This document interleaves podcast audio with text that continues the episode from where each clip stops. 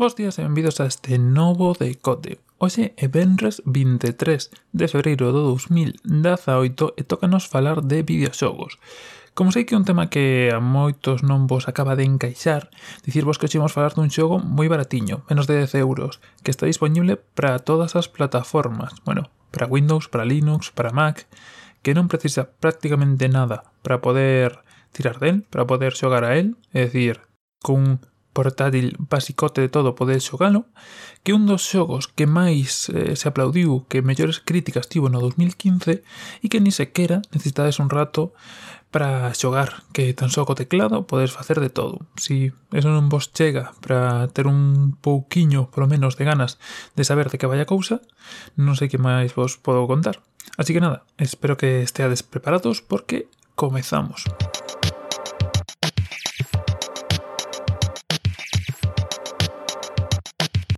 Como dicía, tócanos falar de videoxogos e tócanos falar de Undertale, unha desas obras mestras que saiu a luz no ano 2015, que debo decir que a mí se me atragantou un pouco, pero bueno.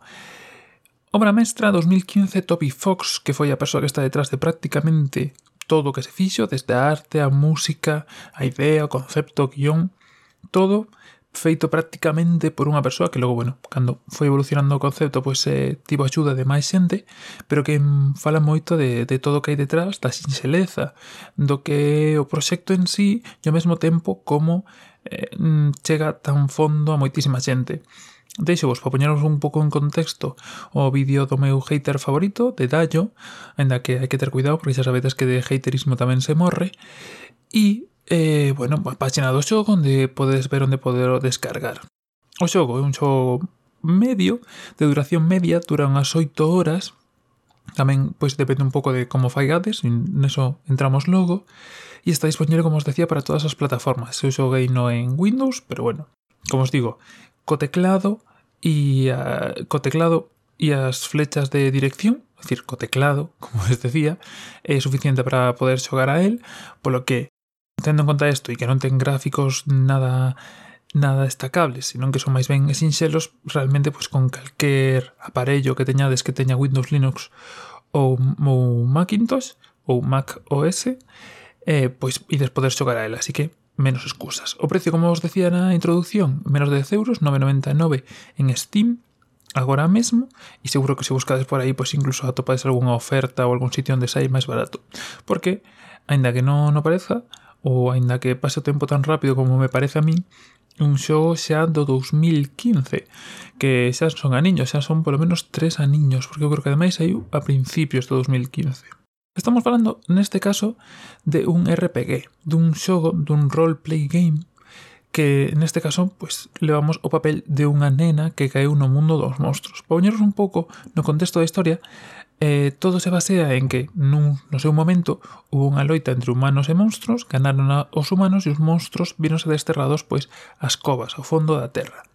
Unha nena cae neste, nesta terra, neste fondo da terra, e ten que sair dali. Para eso, pois, ten que pasar por diferentes fases, diferentes habilidades, eh, atoparse con diferentes monstruos e, bueno, ir superándoos pouco a pouco. O interesante do xogo, además de que é un xogo moi sinxelo, pode lembrar a Pokémon en algunhas cousas, porque, bueno, é un roleplay gaming, cuns gráficos moi similares aos primeiros Pokémon, de sinxelo, incluso para para certos tipos de como te atopas con inimigos, de como combates a, contra eles, pois é bastante sinxelo a Pokémon, Pero digamos que o interesante desto é como o xogo cambia dependendo do que ti fagas. É coñecido xa por todos, sobre todo despois de tanto tempo, que podes ir superando as fases, superando os combates, superando cada un dos momentos que, que te atopas de diferentes maneiras. Hai a forma pacifista, que é aquela na que non matas a ninguén, e para eso, pois, tes que falar con cada monstro, ver que o que lle gusta, que o que non, ofrecerllo, Pois unha das cousas interesantes do xogo é eso, que todos os monstros teñen certa profundidade e teñen pois características que os diferencian un de outros. Estas características non só se ven, pois eso, se si dialogamos con eles, se si queremos chegar a un acordo con eles para non ter que loitar, para poder superalos sin ter que loitar, sino que tamén o vemos na forma en que loitamos, xa que, bueno, temos a opción de non loitar con eles, pero tamén a de loitar con eles. E cada un terá un tipo de ataque, un tipo de proba que teremos que superar para que non nos faga dano diferente e concreto. E eu creo que eso tamén pois define bastante a profundidade do xogo. Como os digo, en a que está feito por unha só persoa, cando se mete a definir cada personaxe, cada acción que facemos con eles, como eles nos ven a nós, porque ao final nós somos un humano nun universo, nun mundo, nun submundo cheo de monstros. Pero nós ata certo punto somos os malos, somos os que os desterramos ali, os que fixemos estar ali, os que non lles permiten volver ao mundo normal. E bueno, eso pois pode verse de, de moitas formas, por algúns monstros vese de boa forma, por outros mala, uns son máis amistosos, outros son menos amistosos, e ao final pois nós temos a opción de ver como nos relacionamos con eles, si imos ser vos, si imos a deixar vivir, si non, e iso pois ten implicacións para, para como acaba a historia. Incluso unha vez que acabamos a historia dunha das formas, pois nos invita a, sobre todo se non vamos pola pacifista, a volver a facer eh, todo o xogo, a volver a velo da forma pacifista, buscando falar cos, cos monstros que nos vamos atopando,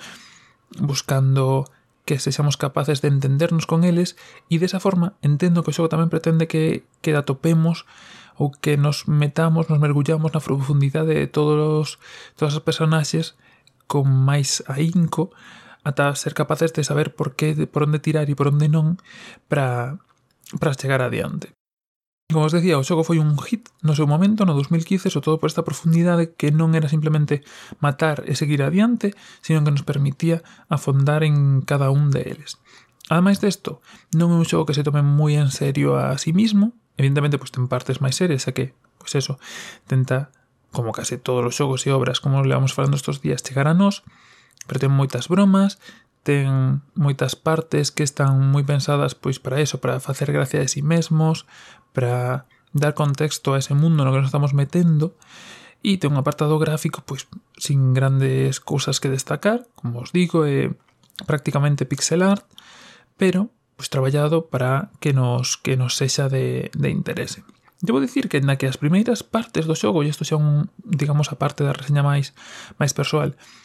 así que foron sinxelas e che permite pois avanzar sin grandes complicacións dependendo do que elixas. A parte final do xogo, independientemente de, de por onde vayas, porque estive vendo algúns vídeos de, de que pasaban determinados combates en determinadas situacións, sobre todo cando chegas ao final, pois digamos que hai un par de combates que son inevitables. Tanto vayas pola rama pacifista como vayas pola de exterminio total, vas ter que facer esos combates. Son bat, combates bastante complexos. E claro, si vas pola pacifista, como nunca mataches a ninguén, non tes prácticamente vida, porque non subes de nivel, non tes cousas de ataque nova, porque non subes de nivel, e entendo que pode chegar a ser bastante complexo, xa que son un par de combates que tes que facer sí ou sí, xa que o fai así. tamén entendo que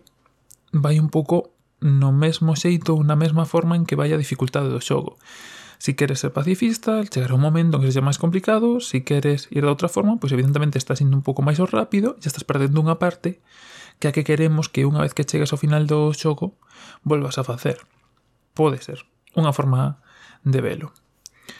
E creo que pouco máis hai que decir deste xogo. A verdade que é moi interesante Recomendaríablo, sobre todo, pois eso, para facer así de vez en cando, como os digo, funciona en calquer lado, non hai para iOS nin para Android, pero bueno, como os digo, calquer cosa que teña Windows, Linux ou, ou Macintosh, pois vai funcionar perfectamente con el. E podes metermos, pois eso, nunha das primeiras obras mestras, nunha das, das obras así que destacaron no 2015 por riba de, do resto, por riba dos gráficos por riba de, de outras cousas foi a historia a narrativa de Undertale e do que Toby Fox nos quería contar. Así que esa é a recomendación, como sempre. Deixevos o vídeo ao meu hater favorito ou a páxina web de Undertale onde podes ver un pouco máis o de que vai a cousa.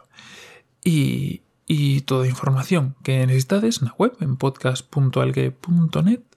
E nada máis por hoxe. Encontrámonos de novo un luso un martes coa última entrega do que dos 12 de xaneiro E nada máis, como sempre, agardo as vosas recomendacións e tes outras recomendacións. Estou mirando xa de que para os próximos meses pois pasar ou falar de algún xogo que sexa de, de móvil para que todos podáis xogar sin ningún problema. E nada máis por hoxe. Un saúdo e ata a próxima.